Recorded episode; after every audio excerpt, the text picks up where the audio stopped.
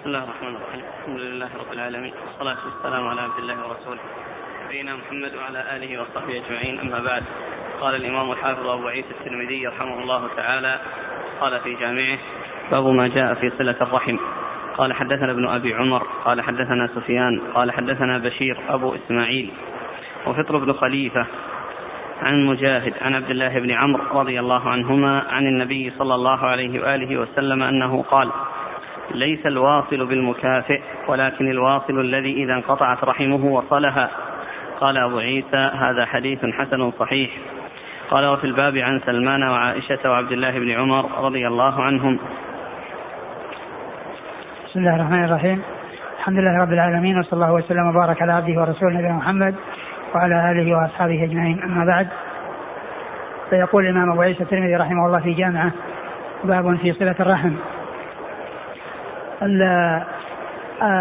الرحم هي القرابة وهم قرابة الإنسان الذين وهم متفاوتون وفيهم الأجداد وفيهم الأولاد وفيهم الأخوة والأخوات والأمام والعمات وأبناء العمومة وأبناء الأخوال كل هؤلاء من القرابات كل هؤلاء من القرابات.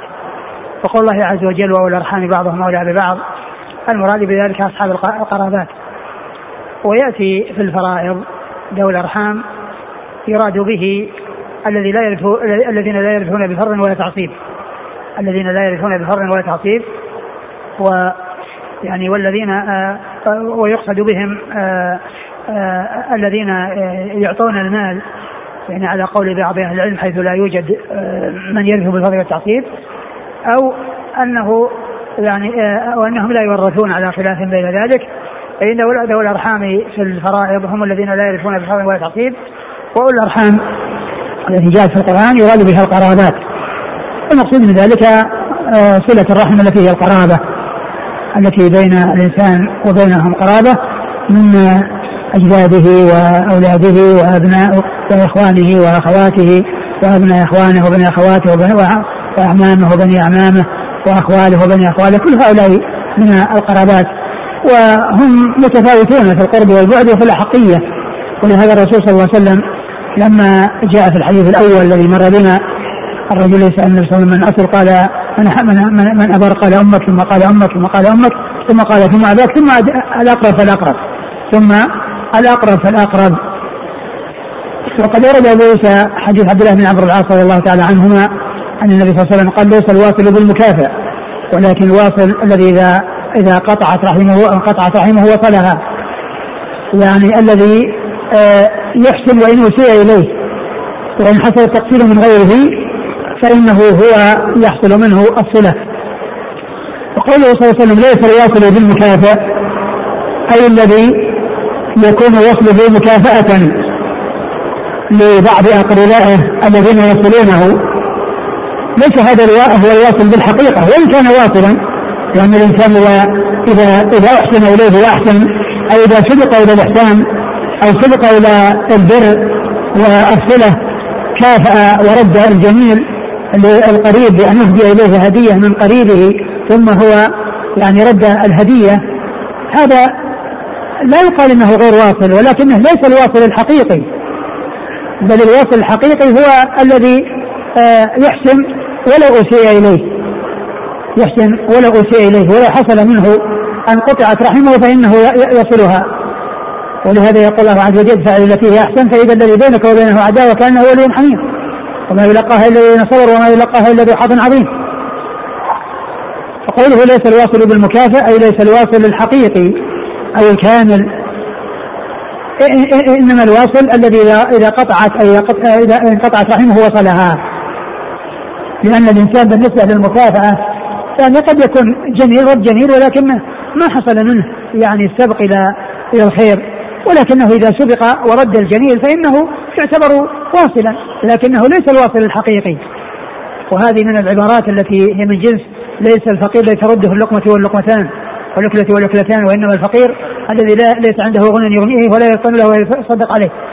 الذي ترده اللقمة واللقمتان هو الفقير لكن الفقير الحقيقي هو ال ال ال الذي لا يمد يده ويحصل منه آه، الضيق تحصل عليه الضيق والشدة والفاقة ومع ذلك يصبر فهذا هو الفقير الحقيقي الذي يحسن إليه والذي يبحث عنه ويعطى لحيائه ولكونه لا يستطيع ولكونه لا يقدم على سؤال الناس. فهذا هو الذي ينبغي أن يحرص عليه وأن يتفقد يتفقد الناس ويعرف من يكون كذلك فإن هذا هو الذي أحق أن يعطى.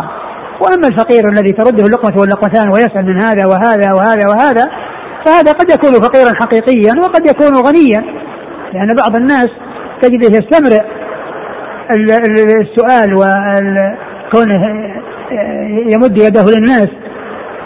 قد يكون عنده يعني شيء يكفيه ولكنه اعتاد يعني هذه العادة السيئة.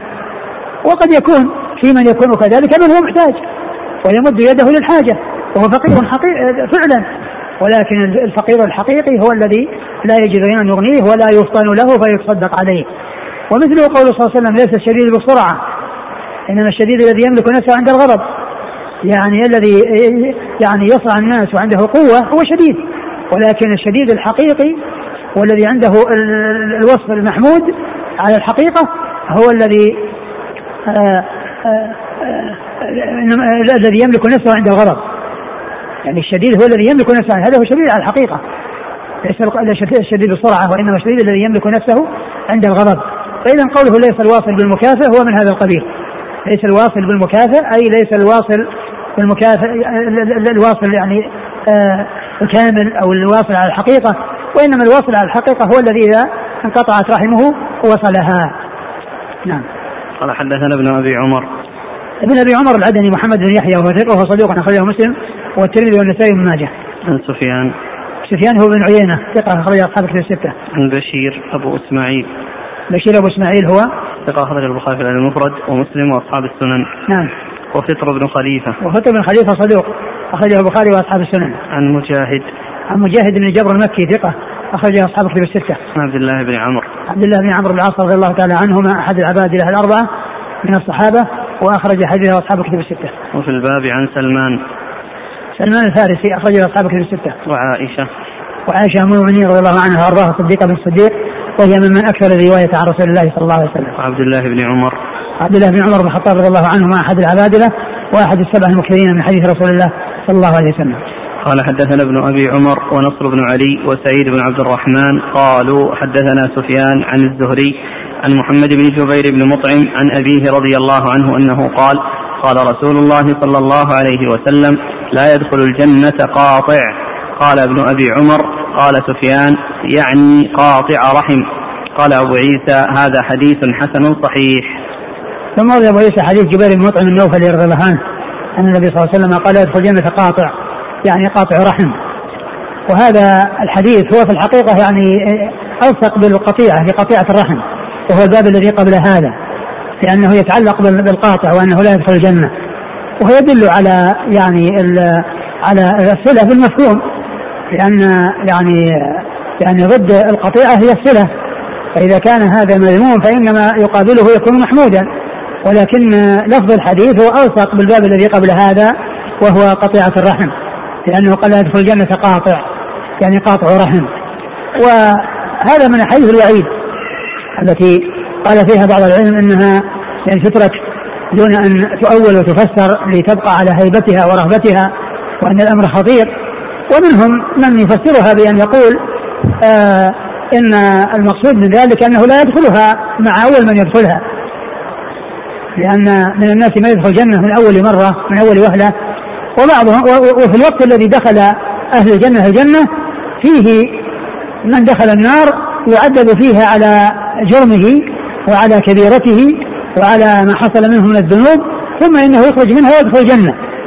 فهو لا يقال أنه لا يدخلها أبد الآباد ولكنه يدخلها بعد حين. إذا لم يشاء الله عز وجل يتجاوز عنه لأن كل ذنب من دون الشرك تحت مشيئة الله عز وجل. إن شاء عذبه إن شاء عذب صاحبه وإن شاء عنه ويدخل الجنة ولكنه إذا عذبه لا يخلده في النار بل يبقى فيها ما شاء الله تعالى أن يبقى ثم يخرجه منها ويدخل الجنة. فإذا لا يدخل الجنة قاطع الرحم لا يدخل الجنة يعني آه، من أول وهلة كما يدخلها ما ما الذين يدخلونها من أول أمر. وإذا شاء الله أنه يعذب فإنه يبقى في النار مدة وأهل الجنة في الجنة الذين سبقوا إليها وهم ينعمون وهو يعذب. فإذا لا يدخلها مع أول من يدخلها ويحال ويكون هناك فترة من الزمان آه، آه، الجنة فيها من ينعم وهو في نفس الوقت الذي ينعم غيره ويعذب ولكنه يدخل الجنة فيما بعد لأن كل ذنب دون شرك هو تحت مشيئة الله ومن شاء الله أن يعذبه ولم يعفو عنه ويتجاوز عنه فإنه يدخل النار ويعذب على مقدار جرمه ثم بعد ذلك يخرج منها ويدخل الجنة ولا يبقى في النار أبد الآباد إلا الذين إلا الكفار الذين هم أهلها والذين لا سبيل لهم إلى الخروج منها نعم قال حدثنا ابن أبي عمر ونصر بن علي نصر بن علي الجهضمي ثقة أخرج أصحاب الكتب الستة. وسعيد بن عبد الرحمن هو المخزومي وهو ثقة أخرج الترمذي والنسائي. نعم. عن سفيان عن الزهري. الزهري هو محمد بن مسلم بن عبيد الله بن شهاب ثقة أخرج أصحاب الكتب الستة. عن محمد بن جبير. محمد بن جبير بن مطعم ثقة أخرج أصحاب الكتب الستة. عن أبيه. عن أبيه جبير مطعم رضي الله عنه أخرجه أصحاب الكتب الستة. قال رحمه الله تعالى باب ما جاء في حب الولد قال حدثنا ابن أبي عمر قال حدثنا سفيان عن إبراهيم بن ميسرة قال سمعت ابن أبي سويد يقول سمعت عمر بن عبد العزيز يقول زعمت المرأة الصالحة خولة بنت حكيم رضي الله عنها أنها قالت خرج رسول الله صلى الله عليه وآله وسلم ذات يوم وهو محتضن أحد ابني ابنته وهو يقول إنكم لتبخلون وتجبنون وتجهلون وإنكم لمن ريحان الله. قال وفي الباب عن ابن عمر والأشعث بن قيس رضي الله عنهم قال أبو عيسى حديث ابن عيينة عن إبراهيم بن ميسرة لا نعرفه إلا من حديثه ولا نعرف لعمر بن عبد العزيز سماعا من قوله. ثم ورد أبو عيسى باب في حب الولد. آه الله عز وجل ركز في الآباء حب الأولاد. و وقد أورد أبو عيسى حديث آه خولة بنت خولة بنت حكيم رضي الله عنها أن النبي صلى الله عليه وسلم قال إنكم أن أنه خرج وهو محتضن إحدى آه، أولاد ابنته. أحد ابني ابنته. أحد ابني ابنته أي الحسن والحسين محتضن يعني قد احتضنه ولمه إلى إلى إلى, إلى إليه وضمه إليه. فقال إنكم لتجبنون. لتبخلون. تبخلون. يعني إن من إن من الناس من يعني يكون عنده المال ولكنه آه، يبقي عليه من أجل مصلحة أولاده ومن أجل الإنفاق إلى إلى أولاده. فقد آه، آه، يحصل منه الإمساك بسبب أولاده وبسبب إبقاء الأموال لأولاده والجمع لأولاده. و وتجبنون يعني الإنسان يعني قد يسير إلى الجبن ويترك الشجاعة يعني من أجل مصلحة أولاده وتجهلون. وتجبنون وتجهلون نعم. نعم وتجهلون يعني أن الإنسان يعني قد يحصل له الجهل بسبب الإبقاء على أولاده وأنه لا يشتغل بالعلم وبتحصيل العلم بسبب أولاده. وإنما أنتم؟ وإنكم لمن ريحان الله. وإنكم لمن ريحان الله. وإنكم لمن ريحان الله. آه، إيش قال الشارح فيها؟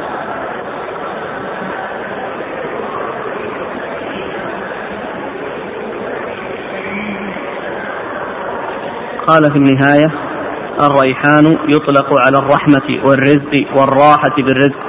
سمي الولد ريحانا. انتهى. وقال في المجمع ويجوز إرادة الريحان المشموم لأنهم يشمون يشمون ويقبلون. وهو من باب الرجوع ذمهم أولا ثم رجع إلى المدح. أي مع كونهم مظنة أن يحملوا الآباء على البخل والجبن عن الغزو من ريحان الله أي رزقه. انتهى. وقال العيني في العمدة وجه التشبيه أن الولد يشم ويقبل فكأنه من جملة الرياحين. وقال الكرماني الريحان الرزق أو المشموم. قال العيني لا وجه هنا أن يكون بمعنى الرزق على ما لا يخفى. وروى الترمذي من حديث أنس أن النبي صلى الله عليه وسلم كان يدعو الحسن والحسين فيشمهما ويضمهما إليه. وروى الطبراني في الأوسط من طريق أبي أيوب قال دخلت على رسول الله صلى الله عليه وسلم والحسن والحسين يلعبان بين يديه. فقلت أتحبهما يا رسول الله؟ قال وكيف لا؟ وهما ريحانتاي من الدنيا أشمهما. آه يعني هذا في بيان يعني المقصود أما أن يقصدون المقصود يعني ان أنهما يعني يشمون وأن الأب يأنس بقربهم والاتصال بهم وتقبيلهم ويعني احتضانهم كما يعني يشم الريحان وكما يعني يقرب من الريحان للاستفادة منه ولمحبته فيكون المقصود يعني المقصود من ذلك الحرص عليهم والحنو عليهم و يعني ضمه ضم الإنسان إياهم وتقبيله إياهم وشمه إياهم كما يشم الريحان الذي يفرح الإنسان بشمه ويستأنس بشمه فهو يستأنس بقرب الأطفال وشمهم والأنس بهم. ف يعني فبين يعني ما في قلوب الآباء من المحبه والمودة والألفة التي ركزها الله عز وجل في قلوبهم في قلوب الآباء لمحبة الأبناء. وأن ذلك قد يكون أيضا سببا في آه، آه، كون الإنسان يمسك يعني شيء من المال من أجل آه، مصلحتهم أو يعني أنه يعني لا يقدم إلى الجهاد في سبيل الله من أجل المحافظة عليهم والبقاء عندهم وما إلى ذلك من الصفات. التي تحصل للآباء بسبب الأبناء. نعم. والحديث فيه فيه انقطاع وفيه أيضا ضعف في بعض الرواة. يعني ففيه علتان يعني الانقطاع. وفيه أيضا آه، جهالة يعني بعض الرواة. قال حدثنا ابن أبي عمر عن سفيان عن إبراهيم بن ميسرة إبراهيم ميسرة هو؟ ثقة أخرج أصحاب الكتب. نعم عن ابن أبي سويد وهو مجهول أخرجه الترمذي نعم عن عمر بن عبد العزيز عمر بن عبد العزيز ثقة أخرج أصحاب الكتب الستة. عن خولة بنت حكيم. عن خولة بنت حكيم رضي الله عنها أخرج لها. البخاري في خلق أفعال العباد ومسلم والترمذي والنسائي وابن ماجه. نعم والانقطاع هو بين عمر بن العزيز وخولة لأنه لم يدركها. نعم. قال وفي الباب عن ابن عمر والأشعث بن قيس. ابن عمر رضي الله عنه مر ذكره والأشعث بن قيس أخرج له. أصحاب الكتب. أصحاب الكتب. قال رحمه الله تعالى باب ما جاء في رحمة الولد. قال حدثنا ابن أبي عمر وسعيد بن عبد الرحمن. قال حدثنا سفيان عن الزهري عن أبي سلمة عن أبي هريرة رضي الله عنه أنه قال أبصر الأقرع بن حابس. والشيخ الألباني صحح يعني الأولى لأنه وجد يعني له يعني ما يشهد له والآخر هو الذي يعني آه ضعفه من أجله. نعم. أبصر الأقرع بن حابس النبي صلى الله عليه وسلم. أبصر الأقرع بن حابس رضي الله عنه النبي صلى الله عليه وسلم وهو يقبل الحسن. قال ابن أبي عمر الحسن الحسين والحسن. فقال إن لي من الولد عشرة ما قبلت أحدا منهم. فقال رسول الله صلى الله عليه وسلم إنه من لا يرحم لا يرحم. قال وفي الباب عن أنس وعائشة رضي الله عنهما قال أبو عيسى وأبو سلمة بن عبد الرحمن اسمه عبد الله بن عبد الرحمن بن عوف. وهذا حديث حسن صحيح. ثم أبو عيسى رحمه الله الرحمة للولد. يعني رحمته رحمته والعطف عليه والحنو عليه وعمل يعني أي شيء يعود إليه بالخير. وكذلك محبته وتقبيله والأنس به والقرب منه. وقد أورد أبو عيسى يعني هذا الحديث عن عن أبي هريرة. عن أبي هريرة رضي الله عنه أن الاقرع بن حابس رضي الله عنه أبصر النبي صلى الله عليه وسلم وهو يقبل الحسن والحسين فقال إن لي عشرة من الولد ما قبلت منهم أحدا. فقال عليه الصلاة والسلام من لا يرحم لا يرحم. فالرسول صلى الله عليه وسلم كان يقبل الحسن والحسين. ولما رآه هذا الرجل من بني تميم وهو الأقرع بن حابس التميمي وكان يعني اعتاد أن لا يقبل أولاده. وهذا يكون يعني عند بعض الناس قد يكون عندهم يعني هذا الشيء. مثل ما حصل لأقرع بن حارث رضي الله عنه. فالرسول صلى الله عليه وسلم فأخبر بالذي آه يعني حصل له وأن له عشرة من الولد ما قبل منهم أحد. يعني هذا الذي فعله الرسول صلى الله عليه وسلم مع أحد ابنيه ما كان يفعله مع أحد أولاده مع أحد من أولاده. وهذا شأن يعني بعض القبائل. يعني يكونون كذلك. فهو أخبر عن الشيء الذي قد حصل له. والرسول صلى الله عليه وسلم أخبر أن يعني تقبيلهم والأنس بهم إن هذا من الرحمة بهم. فلهذا قال عليه وسلم من لا يرحم لا يرحم. ولهذا ترغيب في رحمة الولد والعطف عليه وكذلك أيضا الأنس به وتقبيله وإدخال السرور عليه والارتياح والاطمئنان يعني في آه، آه، قرب الأولاد والاستئناس بهم وتقبيلهم وإدخال السرور عليهم. وهذا من الرحمة التي جعل الله جعلها الله عز وجل. يعني في قلوب يعني عباده والأقرأ بن حابس رضي الله عنه. هذا هذا هو الذي اعتاده وتعوده. والأقرأ بن حابس صحابي قال عنه محمد بن إسحاق كان شريفا في الجاهلية وشريفا في الإسلام.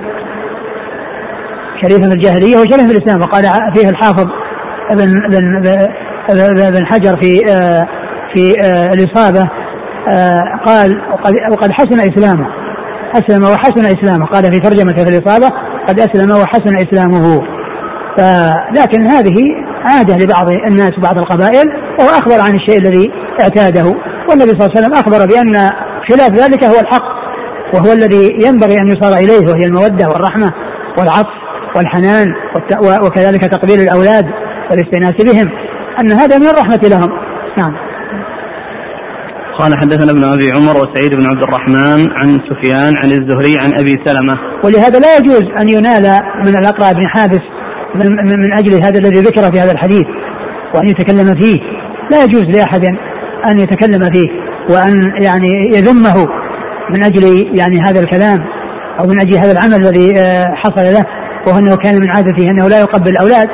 ولا شك أنه بعدما بلغت السنة عن رسول الله صلى الله عليه وسلم وعرف هذا أن حاله سيتغير وأنه سيتبدل. نعم. عن أبي سلمة. عن أبي سلمة. عن أبي سلمة عن أبي هريرة. أبي سلمة بن عبد الرحمن بن عوف ثقة أخرج اصحاب كتب الستة وأبو هريرة عبد الرحمن بن صخر الدوسي رضي الله عنه أكثر الصحابة حديثا. وفي الباب عن أنس وعائشة. أنس بن مالك رضي الله عنه خادم النبي صلى الله عليه وسلم وأحد المكثرين من حديثه. نعم. قال رحمه الله تعالى باب ما جاء في النفقة على البنات والأخوات. قال حدثنا قتيبة قال حدثنا عبد العزيز بن محمد عن سهيل بن أبي صالح عن سعيد بن عبد الرحمن عن أبي سعيد الخدري رضي الله عنه أن رسول الله صلى الله عليه وآله وسلم قال لا يكون لأحدكم ثلاث بنات أو ثلاث أخوات فيحسن إليهن إلا دخل الجنة. قال وفي الباب عن عائشة وعقبة بن عامر وأنس وجابر وابن عباس رضي الله عنهم أجمعين. قال أبو عيسى وأبو سعيد الخدري اسمه سعد بن مالك بن سنان وسعد بن أبي وقاص هو سعد بن مالك بن وهيب وقد زادوا في هذا الإسناد رجلا. قال حدثنا العلاء بن مسلمة البغدادي قال حدثنا عبد المجيد بن عبد العزيز عن معمر عن الزهري عن عروة عن عائشة رضي الله عنها أنها قالت قال رسول الله صلى الله عليه وآله وسلم من ابتلي بشيء من البنات فصبر عليهن كن له حجابا من النار. قال أبو عيسى هذا حديث حسن. قال حدثنا محمد بن وزير الواسطي قال حدثنا محمد بن عبيد هو الطنافسي قال حدثنا محمد بن عبد العزيز الراسبي عن أبي بكر بن عبيد الله بن أنس بن مالك عن أنس رضي الله عنه أنه قال قال رسول الله صلى الله عليه وآله وسلم من عال جاريتين دخلت أنا وهو الجنة كهاتين وأشار بإصبعيه. قال أبو عيسى هذا حديث حسن غريب من هذا الوجه.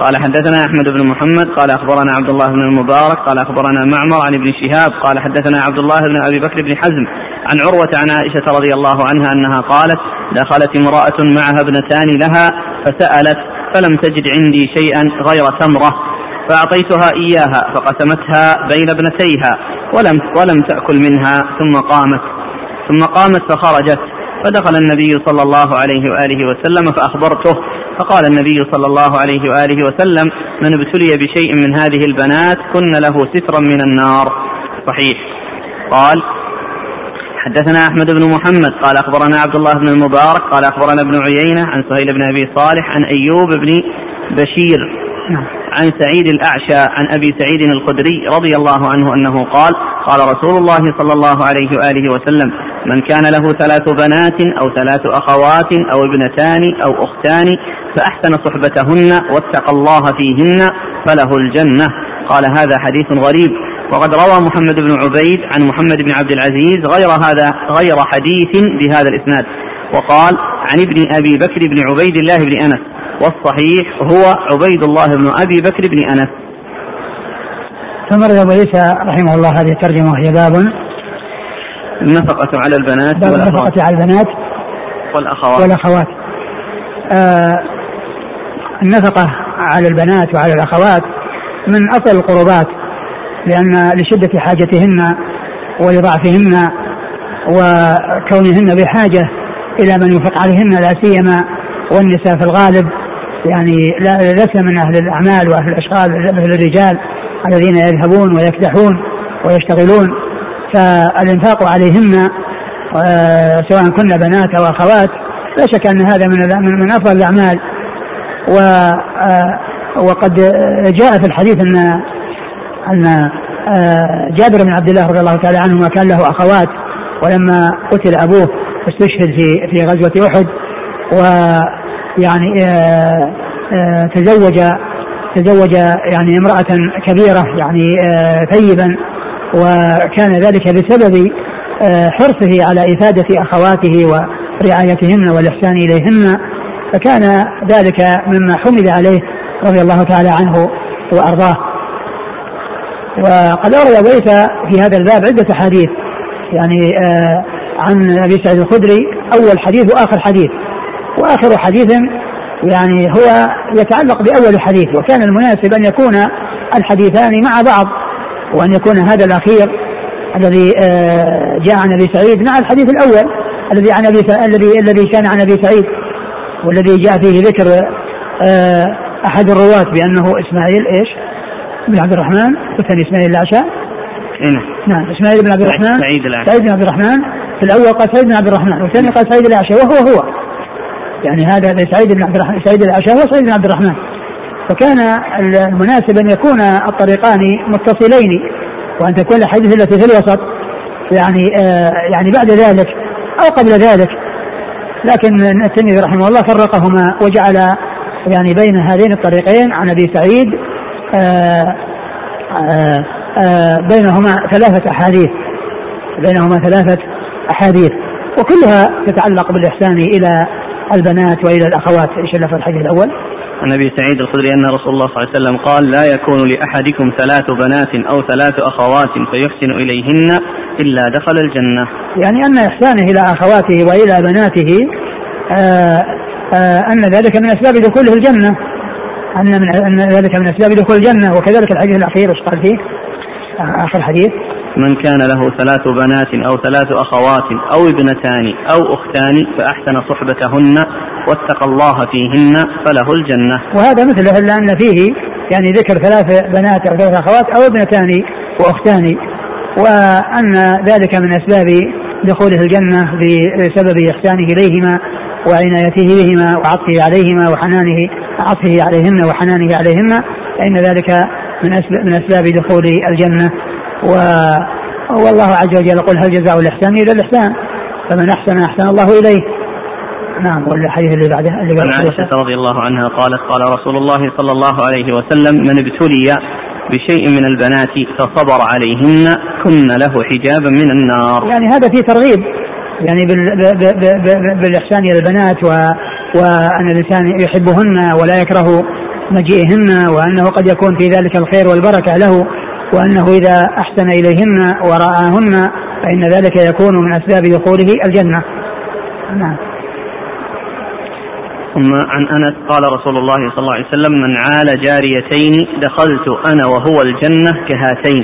وأشار بإصبعين. من عال جاريتين يعني سواء كانتا ابنتين أو أختين. سواء كانتا ابنتين أو أختين فإنه يعني يدخل آه، مع الرسول صلى الله عليه وسلم الجنة وأشار بإصبعيه صلى الله عليه وسلم. وهذا فيه الإشارة إلى تحقق ذلك وإلى حصول ذلك وأنه يكون مع النبي صلى الله عليه وسلم في الجنة. نعم وهذا يدل على عظم أجر الثواب إلى الإحسان على البنات وعلى الأخوات إذا عالهن وأحسن إليهن وكذلك غيرهن مما ممن آه، آآ آه، يحصل منه أن يعولهن ويحسن إليهن. نعم. عن عائشة رضي الله عنها قالت دخلت امرأة معها ابنتان لها. فسألت فلم تجد عندي شيئا غير تمرة فأعطيتها إياها فقسمتها بين ابنتيها ولم تأكل منها. ثم قامت فخرجت فدخل النبي صلى الله عليه وسلم فأخبرته فقال النبي صلى الله عليه وسلم من ابتلي بشيء من هذه البنات كن له سترا من النار. ثم أورد حديث عائشة رضي الله عنها وله سبب وأنه كان أنه جاءت امرأة ومعها ابنتان تسأل وهذا يدل على أن السؤال عند الحاجة لا بأس به. أن الإنسان إذا كان محتاجا فله أن يسأل لأن هذه المرأة جاءت تسأل جاءت إلى عائشة تسألها. وأيضا عائشة رضي الله عنها ما وجدت شيء إلا تمره واحدة. وهذا يبين ما كان عليه آه، الرسول صلى الله عليه وسلم وأهله من قلة آه، يعني آه، من قلة ذات اليد ومن قلة النفقة. وأن عائشة رضي الله عنها لم تجد إلا تمره واحدة فأعطتها هذه المرأة وابنتيها فتلك المرأة قسمتها بين ابنتيها وأعطت كل واحدة منهما قطعة. فأعجبها فعلها فلما جاء النبي صلى الله عليه وسلم أخبرته بذلك فقال عليه الصلاة والسلام من؟ من ابتلي بشيء من هذه البنات كن له سترا من النار. من ابتلي بشيء من هذه البنات كن سترا كن له سترا من النار يعني أنهن من أسباب سلامته من النار وأسباب دخوله الجنة. كن سببا في دخوله الجنة وسلامته من النار ولا سيما فيما يتعلق بالإحسان. والنبي صلى الله عليه وسلم قال اتقوا النار ولو بشق تمرة. اتقوا النار ولو بشق تمرة. فمن لم يجد فبكلمة طيبة. يعني إذا ما وجد أنه يعني يرد السائل فإنه يعني يتكلم معه بكلام لطيف ويعتبر اعتبارا لطيفا يعني بكلمة طيبة يعني يدخل السرور عليه. وإذا كان يستطيع أنه يعطيه فليعطيه ما تيسر. نعم. قال حدثنا قتيبة. قتيبة بن سعيد ثقة أخرج أصحاب كتب الستة. عن عبد العزيز بن محمد. بن محمد الدراوردي صدوق أخرج أصحاب كتب الستة. عن سهيل. سهيل بن أبي صالح وهو صدوق أخرج أصحاب كتب الستة وروايته البخاري البخاري مقرون. عن سعيد بن عبد الرحمن. سعيد بن عبد الرحمن هو الأعشى الذي سيأتي وهو مقبول. أخرجه البخاري في المفرد. أخرجه البخاري. في الأدب المفرد وأبو داود والترمذي. نعم. عن أبي سعيد الخدري. أبو سعيد الخدري سعد بن مالك بن سنان رضي الله عنه من من أكثر الرواية عن رسول الله صلى الله عليه وسلم. قال وفي الباب عن عائشة وعقبة بن عامر. عقبة بن عامر الجهني أخرج حديث أصحاب في الستة. وأنس وجابر. آه، جابر بن عبد الله الأنصاري رضي الله عنهما أحد المكثرين من حديث رسول الله صلى الله عليه وسلم. وابن عباس. وابن عباس أحد العبادلة الأربعة وأحد المكثرين من حديث رسول الله صلى الله عليه وسلم. قال حدثنا العلاء بن مسلمة البغدادي. وهو متروك أخرج له. الترمذي. نعم. عن عبد المجيد بن عبد العزيز. وهو صدوق يخطئ أخرجه مسلم وأصحاب السنن نعم عن معمر عن الزهري عن معمر معمر بن راشد الأزدي البصري ثم اليماني ثم وهو ثقة أخرج أصحابه في الستة والزهري مرة ذكره. عن عروة عن عائشة. عروة بن الزبير بن العوام ثقة فقيه أحد فقهاء المدينة السبعة في عصر التابعين أخرج له أصحابه في الستة. قال حدثنا محمد بن وزير الواسطي وهو ثقة أخرج له الترمذي. نعم. عن محمد بن عبيد هو الطنافسي. وهو ثقة أخرج له أصحاب الكتب. نعم. عن محمد بن عبد العزيز الراسبي. وهو؟ ثقة أخرج البخاري المفرد ومسلم والترمذي. نعم. عن أبي بكر بن عبيد الله بن أنس. عن أبي بكر بن عبيد الله بن أنس. وهذا هو الذي قال إن الصحيح أنه عبيد الله. قال عبيد الله بن أبي بكر. عبيد الله بن أبي بكر. وهذا هو الذي في صحيح مسلم. الحديث في صحيح مسلم بهذا بهذا اللفظ. يعني بهذا السياق. يعني عبيد الله بن أبي بكر. نعم. عن أنس. وعبيد الله. عبيد الله بن أبي بكر بن أنس ثقة أخرجه أصحاب الكتب. نعم. لكن حافظ كانت ترجم لابي بكر بن عبيد الله؟ نعم نعم لأنه جاء هذا وجاء هذا لكن لكن الترمذي قال الصحيح هو فلان. وهو الذي في صحيح مسلم اللي هو عبيد الله بن أبي بكر. يعني جاء الرواية بهذا وجاء روايه بهذا. والمزي في تحفة الأشراف عند ترجمه الراسبي ذكر يعني هذا وهذا يعني هذا وهذا. يعني الرواية جاءت على هذا وهذا. نعم. قال حدثنا أحمد بن محمد عن عبد الله بن المبارك. أحمد بن محمد هو مردويه أخرج له البخاري والترمذي والنسائي. ثقة أخرجه البخاري. والترمذي والنسائي. نعم. عن عبد الله بن المبارك. وهو ثقة أخرج أصحاب كتب الستة. عن معمر عن ابن شهاب عن عبد الله بن أبي بكر بن حزم. وهو ثقة أخرج أصحاب كتب الستة. عن عروة عن عائشة. نعم. قال حدثنا أحمد بن محمد عن عبد الله بن المبارك عن ابن عيينة عن سهيل بن أبي صالح عن أيوب بن بشير. أيوب بن بشير هو؟ له رؤية قال البخاري المفرد وأبو داود والترمذي. نعم. عن سعيد الأعشى عن أبي سعيد الخدري. سعيد الأعشى هو سعيد بن عبد الرحمن الذي مر ذكره نعم. قال رحمه الله تعالى باب ما جاء في رحمة اليتيم وكفالته. قال حدثنا سعيد بن يعقوب الطالقاني قال حدثنا المعتمر بن سليمان قال سمعت أبي يحدث عن حنش عن عكرمة عن ابن عباس رضي الله عنهما أن النبي صلى الله عليه وآله وسلم قال من قبض يتيما بين المسلمين إلى طعامه وشرابه أدخله الله الجنة البتة إلا أن يعمل ذنبا لا يغفر له. قال وفي الباب عن مرة الفهري وأبي هريرة وأبي أمامة وسهل بن سعد رضي الله عنهم. قال أبو عيسى وحنش هو حسين بن قيس وهو أبو علي الرحبي وسليمان التيمي يقول حنش وهو ضعيف عند أهل الحديث. أبو عيسى هذا يجه باب في رحمة اليتيم وكفالته. برحمة اليتيم وكفالته. وهذا الباب وهذا الباب يعني وغيره من الأبواب التي سياتي ستأتي بعد ذلك في أبواب كثيرة لا تعلق لا, لا تعلق لها ببر الوالدين وصله الأرحام الذي هو كتاب البر والصلة. فاذا يعني الكتاب يتعلق ببر الوالدين وصله الأرحام وغير ذلك من وجوه الإحسان إلى من يحسن إليه. من وجوه الإحسان إلى من يحسن إليه. ولهذا يعني ذكر الترمذي رحمه الله في هذا الكتاب عدة تراجم ليست لها علاقة بصلة بالوالدين والأرحام وإنما هما جانب من الإنسان جانب من الإنسان منها اليتيم ومنها المسكين المساكين ومنها يعني رحمة المساكين وغير ذلك أبواب متعددة.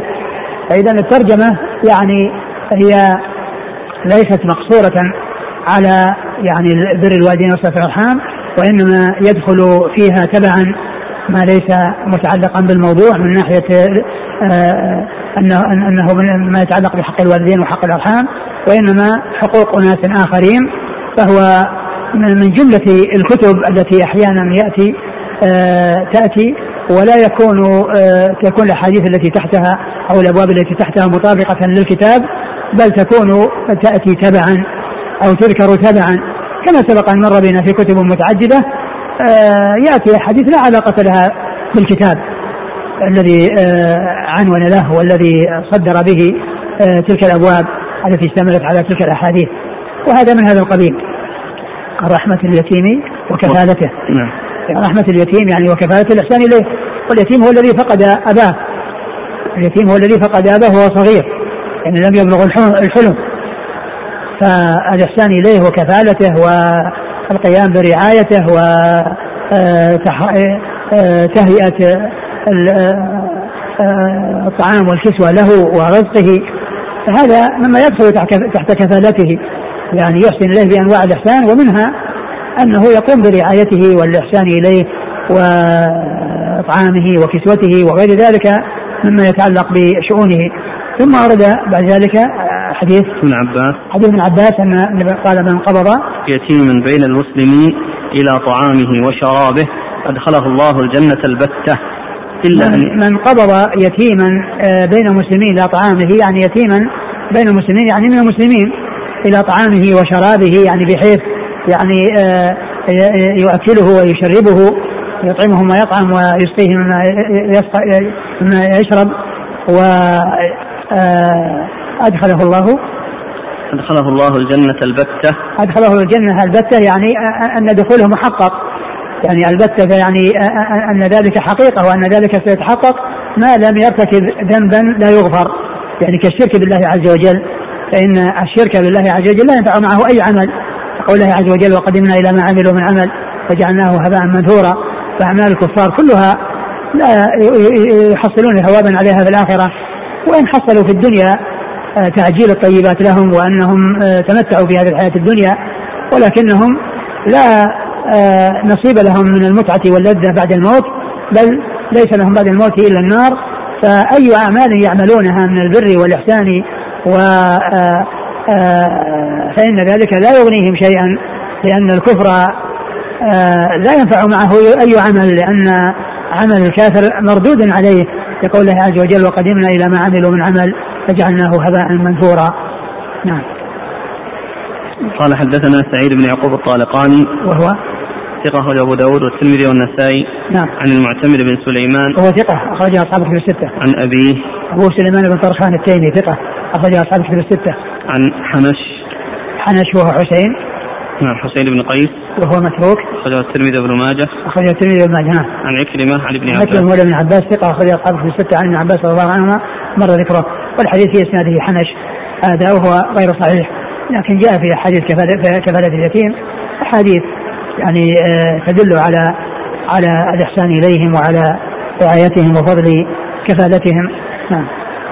قال في الباب عن مرة الفهري هو أخرج له البخاري في المفرد. نعم. وأبي هريرة وأبي أمامة وسهل بن سعد. أبو أمامة صدي بن عجلان الباهلي أخرج أصحابه في الستة وسهل بن سعد الساعدي أخرج أصحابه في الستة.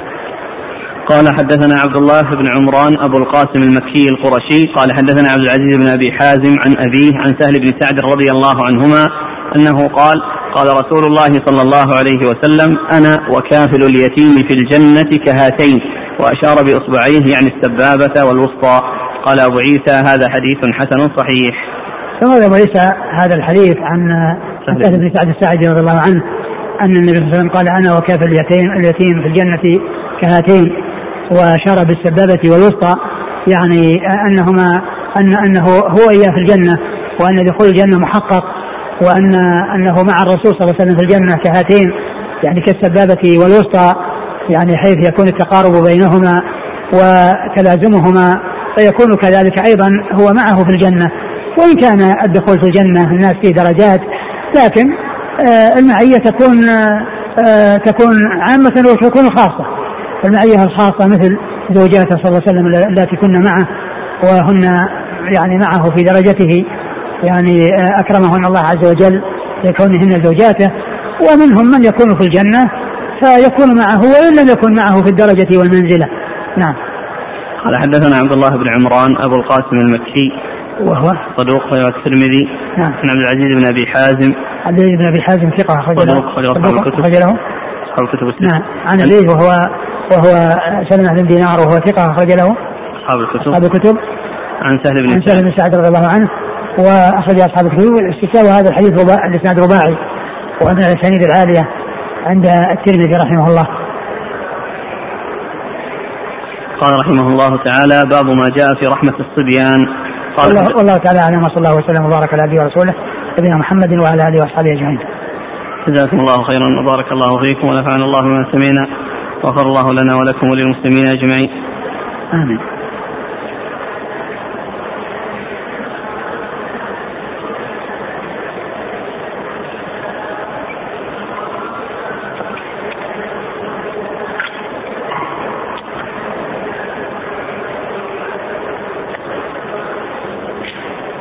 هذه مسألة دخول النبي دخول يعني كاف اليتيم أو من عال جاريتين إلى الجنة.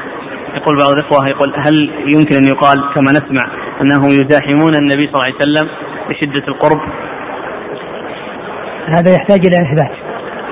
لا نعلم شيئا يدل على ذلك. يقول السائل ألا يكون إدخال الترمذي لهذا الباب مندرجا ضمن البر والبر يدخل فيه الإحسان ومن البر كفالة اليتيم؟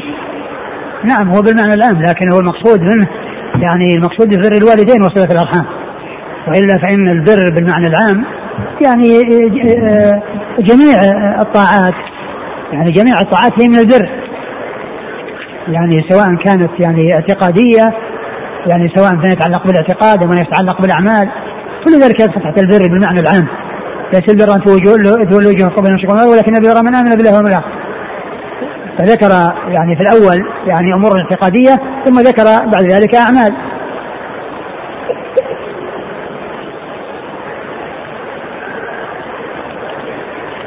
يقول ما رأيكم فيما ذكره الشارح؟ ان صله الرحم إنما يستمر تستمر إذا كان أهل الرحم أهل استقامة فإن كانوا كفارا أو فجارا فمقاطعتهم في الله هي صلتهم بشرط بذل الجهد في وعظهم آه إذا كان آه الكفار الإحسان إليهم يعني يكون سببا في استمالتهم ويعني دخولهم في الإسلام. لا شك أن هذا أمر مطلوب لأن هدايتهم هذا هو من أهم المهمات. ومن أعظم الإحسان من القريب إلى القريب أن يكون سببا في هداية قريبه. لا سيما إذا كان أبا أو أم أبا أو أم أمة فإن أعظم بر وأعظم إحسان إنقاذهم. من الكفر وإخراجهم من الظلمات إلى النور. فيعني كونه يعني يتصل بهم من أجل دعوتهم ويحرص على هدايتهم هذا هو هو, هو الذي ينبغي. نعم. يقول هل يلزم أن أكفل اليتيم في بيتي حتى أحصل على هذا الأجر أم يكفيني أن أتبرع في المؤسسات؟ لا شك أن كونه يكفل في بيته ويقوم برعايته والإحسان إليه يعني وتربيته وتنشئته لا شك أن هذا هو الأكمل. وإذا كان الإنسان ما تمكن من هذا ولكنه قام ب يعني بالإنفاق عليه وبرعايته من ناحية توفير الأشياء التي هي لازمة وكذلك إذا كان في جهات تقوم بالتربية والتنشئة يعني ويعني آه، آه، أحسن إليها وأعطاها من أجل هذه المهمة لا شك أن هذا خير. ولكن آه، الأكمل من الأكمل والأتم أن يتولى ذلك بنفسه.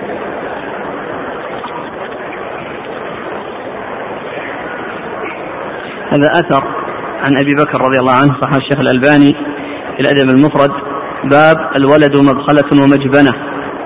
قال الإمام البخاري حدثنا عبد الله بن صالح قال حدثني الليث قال كتب إلي هشام عن أبيه عن عائشة رضي الله عنها أنها قالت قال أبو بكر رضي الله عنه يوما والله ما على الأرض رجل أحب إلي من عمر. فلما خرج رجع فقال كيف حلفت أي بنية؟ فقلت له فقال أعز علي والولد الوط قال الألباني حسن الإسناد وفي الهامش الوط والولد الوط قال في الهامش معنى الوط ألصق بالقلب. وين الترجمة في الولد مجبنة؟ باب الولد مبخلة ومجبنة. من الأدب المفرد البخاري رقم 84 صفحة 42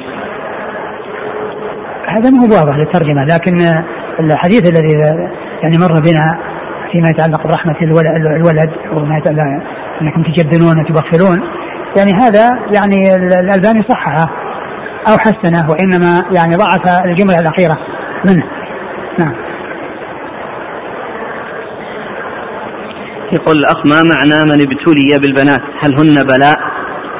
آه لا شك إن فيه امتحان لأن من الناس يعني من يوفق ل يعني هذا الامتحان وهو كونه يعني آه آه حصل له يعني البنات أو الأخوات فمن الناس من يوفق لهذا الامتحان بحيث يكون في آه في ولايته وفي آه تحت رعايته فيحصل الإحسان أو يحصل الإساءة يعني آه آه الدنيا كما هو معلوم هي ابتلاء وامتحان. فالأوامر يعني تحتاج إلى صبر واحتساب والنواهي تحتاج إلى صبر واحتساب يعني وكف عن الإقدام عليها وإن كانت النفوس تشتهيها لأن لأنه كما علم أن الصبر ثلاث أنواع صبر على طاعة الله وصبر عن معاصي الله وصبر على أقدار الله المؤلمة. فالإنسان يصبر على الطاعات فلا شك أن فيها ابتلاء وامتحان. ومن الناس من يصبر على هذا الابتلاء والامتحان ومنهم من لا يصبر.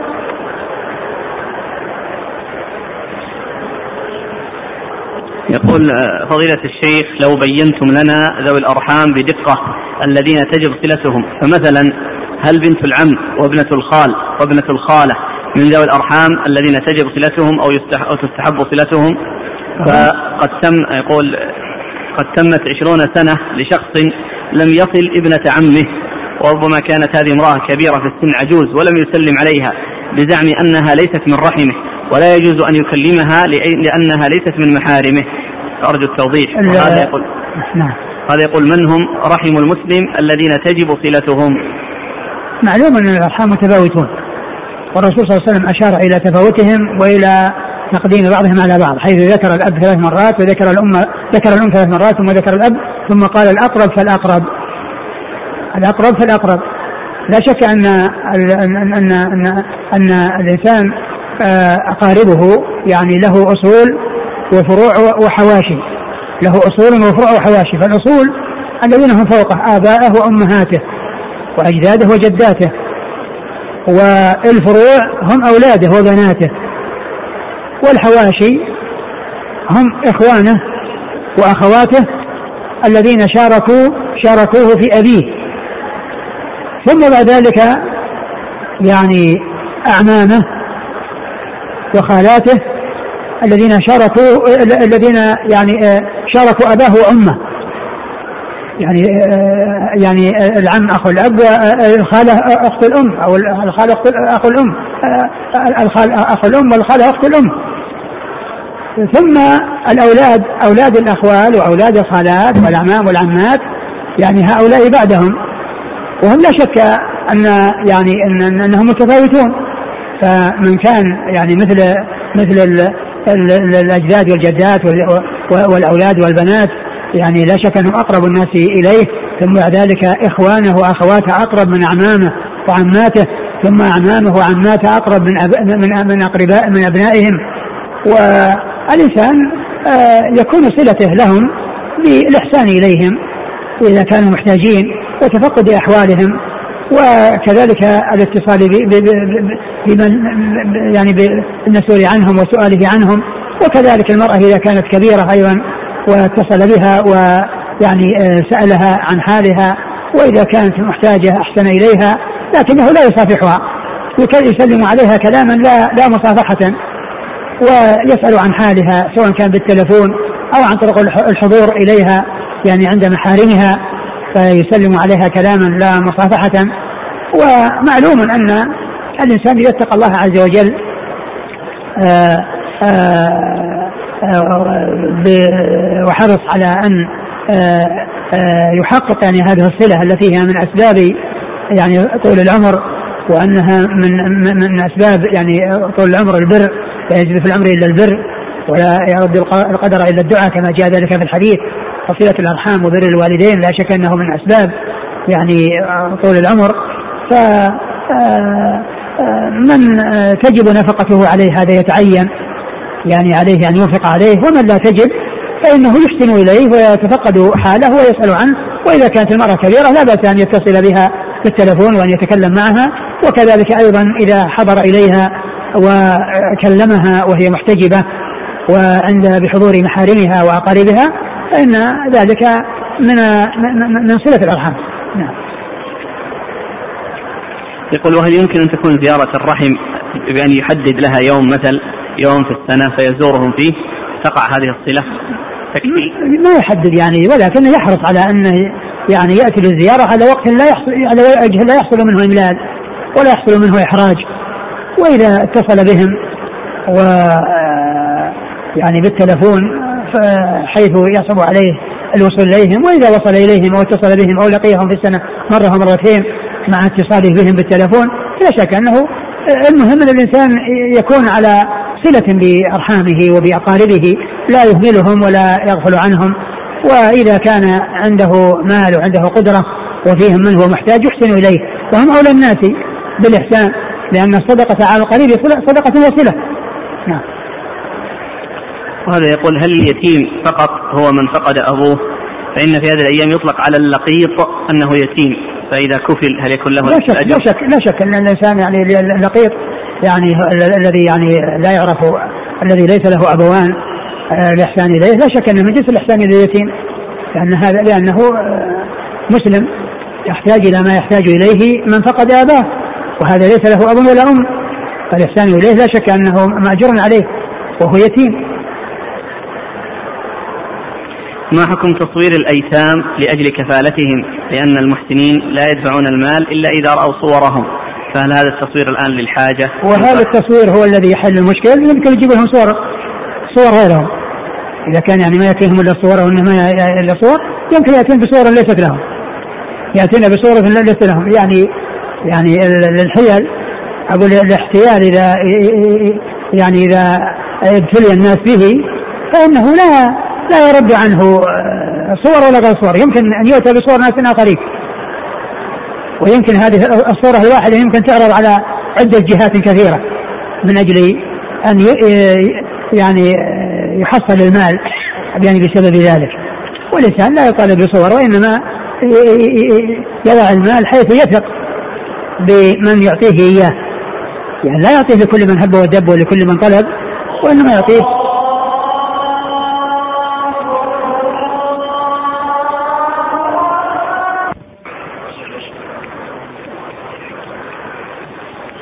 نعم.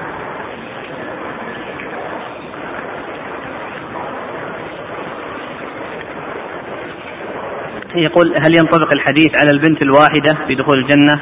يعني أقل ما جاء البنتين أو أختين. هل جاء ما يدل على الواحدة؟ الله أعلم. يقول هل التقارب المقصود في الحديث بين السبابة والوسطى من حيث الطول أم من حيث الالتصاق؟ التصاقهما هو المنبه إلى التقارب، المقصود به القرب يعني بينهما يعني التقارب الذي بينهما.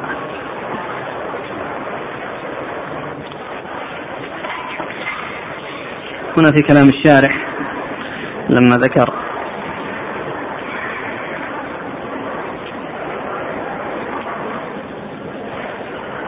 يقول وقد وقع في رواية لأم سعيد عند الطبراني معي في الجنة كهاتين يعني المسبحة والوسطى إذا اتقى. ويحتمل أن يكون المراد قرب المنزلة حالة دخول الجنة لما أخرجه أبو يعلى من حديث أبي هريرة رفعه أنا أول من يفتح باب الجنة فإذا امرأة تبادرني فأقول من أنت؟ فتقول أنا امرأة تأيمت تأيمت على أيتام لي ورواته لا بأس بهم. وقول تبادرني أي لتدخل معي أو تدخل في إثري. ويحتمل أن يكون المراد مجموع الأمرين سرعة الدخول وعلو المنزلة. هو علو المنزلة نعم لكن الكلام على كونها منزلة الرسول صلى الله عليه وسلم ودرجة الرسول صلى الله عليه وسلم هذا هو الذي يعني ليس يعني بواضح لأن درجات الأنبياء يعني هي أعلى الدرجات وأزواجه صلى الله عليه وسلم معه والصديقون يعني درجاتهم أنزل من درجات الأنبياء فهم متفاوتون في الدرجات. ولكن لا شك أن من دخل الجنة فهو في غاية السعادة ومن يكون أقل أهل الجنة يعني يتصور أنه ليس هناك أحد مثله في السعادة. كما أن أخف أهل النار عذاب يعني يرى أنه ما في أحد أشد من عذاب. أخف أهل النار عذاب يرى أنه ما في أحد أشد من عذاب. وكذلك الذي يكون في الجنة أي, إنسان في الجنة يعني فإنه يرى أنه في غاية السعادة. هذه فائدة عن مسألة لا تنزع الرحمة إلا من شقي. ذكر الذهبي في سير أعلام النبلاء في ترجمة أبي حازم سلمة بن دينار. قال روى يعقوب بن عبد الرحمن عن أبي حازم.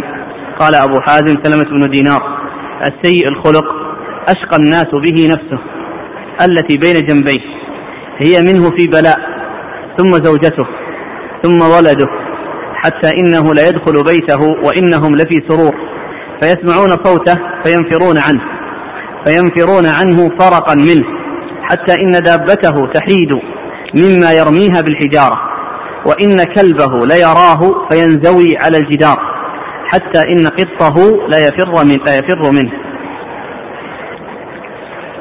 انتهى؟ نعم. يقول الأخ بعض الدعاة عندما يتحدث سوء الأخلاق. أبو سوء الأخلاق يعني آه، مذمة. يعني آه، آه، كل يعني لا يريد لا, لا يريدها. لكن قد يكون يعني بعض الناس هذا إذا كان من أجل سوء الأخلاق. وقد يكون يعني بعض الناس يعني ينفرون لأنهم يعني على حالة سيئة. ويكون مثلا والدهم يعني يدعوهم إلى الخير ويدعوهم إلى الاستقامة وهم لا يريدون ذلك. فيعني ينفرون منه ولا يريدون منه لانهم لأن قد يكون مدحا له وذما لهم وقد يكون العكس. يعني قد يكون يعني يعني إن فعلهم صحيح لأنه يعني آه، هو سيء الخلق وشرس الأخلاق فهم لا يعرفونه ولا يقربون منه وقد يكون يعني هم سيئين وهو يعني يأمرهم بما يعود عليهم بالخير وهم يعني لا يريدون ذلك بل يريدون خلاف ذلك فيكون هو المحمود وهم المذمومون. يقول السائل بعض الدعاة عندما يتحدث عن قسوة القلوب وغفلتها يستدل بهذا الحديث ويجعل الأقرع بن حابس رضي الله عنه مثال لهذه الخصال الذميمة. فهل يصح مثل هذا الاستدلال؟ أبدا لا يجوز أن يلام من الصحابة بأي حال من الأحوال. وكون آه، شخص يعني آه، اعتاد في الجاهلية يعني صفات يعني غير محمودة. ثم جاء الإسلام وعرف آه، آه، تغيرت حاله في الإسلام وعرف أحكام الإسلام. ثم بعد ذلك طبقها. لا شك أن الأمر يختلف ولكن مهما يكون من شيء لا يجوز أن يتعرض لجناب الصحابة.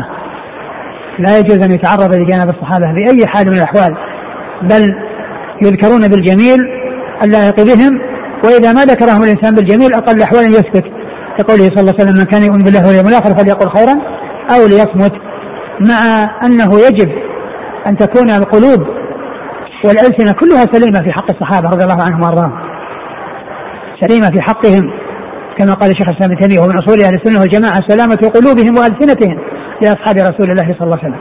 سلامة القلوب والألسنة. وإذا حصل من بعض الصحابة يعني شيء يعني آه لكونه مثلا اعتاد في الجاهلية فلا يتخذ ذلك ذريعة إلى النيل منه بل يترضى عنه ويحب ولا يكون ذلك الذي حصل منه مما اعتاده الجاهلية سببا آه في أن يقع في قلب الإنسان شيء عليه ولا أن يحرك لسانه بالنيل منه بل يكون سليم القلب سليم اللسان كما ذكر الله عز وجل المهاجرين والأنصار. في آه سورة الحشر ثم ذكر الذين جاءوا من بعدهم متصفين بسلامة القلوب والألسنة في حقهم فقال والذين جاءوا من بعدهم يقول ربنا اغفر لنا ولإخواننا الذين سبقونا بالإيمان وهذا يدل على سلامة الألسنة لأنهم يدعون لهم. ثم أيضا قلوبهم سليمة ويسألون الله عز وجل أن يعطيها سليمة فيدعون الله عز وجل ألا يجعل في قلوبهم غلا للذين آمنوا. والذين جاءوا من بعدهم يقول ربنا اغفر لنا ولإخواننا سبقونا بالإيمان هذا سلامة القلوب سلامة الألسنة. ولا يجعل في قلوبنا غلا للذين آمنوا سلامة القلوب فهم قلوبهم سليمة ويطلبون من الله عز وجل أن يبقيها سليمة. ولا يحصل فيها غل وحقد وغيظ على أحد من أصحاب رسول الله صلى الله عليه وسلم. والحقيقة أن الذي ينال من الصحابة لا يؤذيهم وإنما يؤذي نفسه ويضر نفسه ولا يضرهم. والذي يحصل منه ذلك تحصل منه الجناية على نفسه. وعليه أن يرضى بنفسه وأن يشفق على نفسه وأن يبتعد عن أي شيء يلحق الضرر بنفسه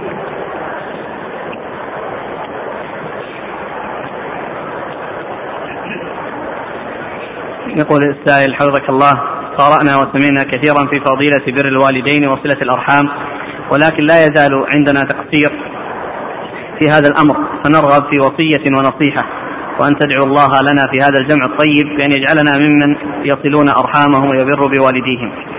الإنسان عليه أن يتقي الله ما استطاع. في جميع أموره وفي كل ما هو مطلوب منه.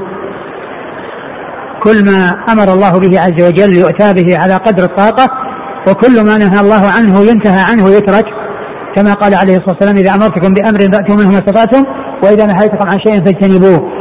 والإنسان آه، يحرص آه، على أن يحسن إلى يعني والديه وإلى أقاربه وذوي رحمه كما أنه يحب أن يحسن إليه. ان يحسن إلى غيره.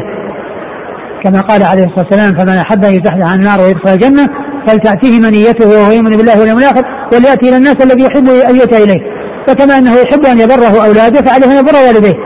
وكما أنه يحب أن يعني تكون غيره يصله وأن يكون على صلة به فايضا هو أيضا على يصل رحمه. لا يكون شأنه أن يكون آه يريد للناس أن يصلوه وأن يحسنوا إليه وهو بخلاف ذلك فيكون آه آه يعامل الناس بخلاف ما يحب أن يعامله به. فيكون من جنس الذين قال فيهم النبي صلى الله عليه وسلم الله ينهاكم عن ثلاث ينهاكم عن حقوق الامهات ووأد البنات ومنع وهات. منع وهات. إذا كان الشيء مطلوبا منه ما في إلا المنع. وإذا كان الشيء له يمد يده يريد ان يحقق له ما يريد وأن يعطى ما يريد. يعطي يسأل الذي له ولا يعطي الذي عليه.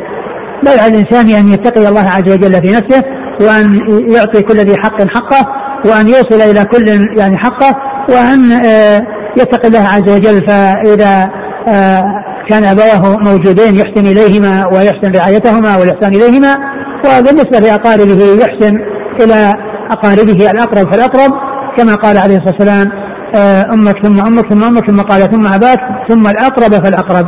وأسأل الله عز وجل أن يوفقنا جميعا لما فيه رضاه وأن يوفقنا جميعا لأن نقوم بما هو واجب علينا نحو آبائنا وأمهاتنا وأبنائنا وبناتنا وإخواننا وأخواتنا وسائر أقربائنا. إنه سبحانه وتعالى جواد كريم. جزاكم الله خيرا. سبحانك اللهم وبحمدك أشهد أن لا إله إلا أنت.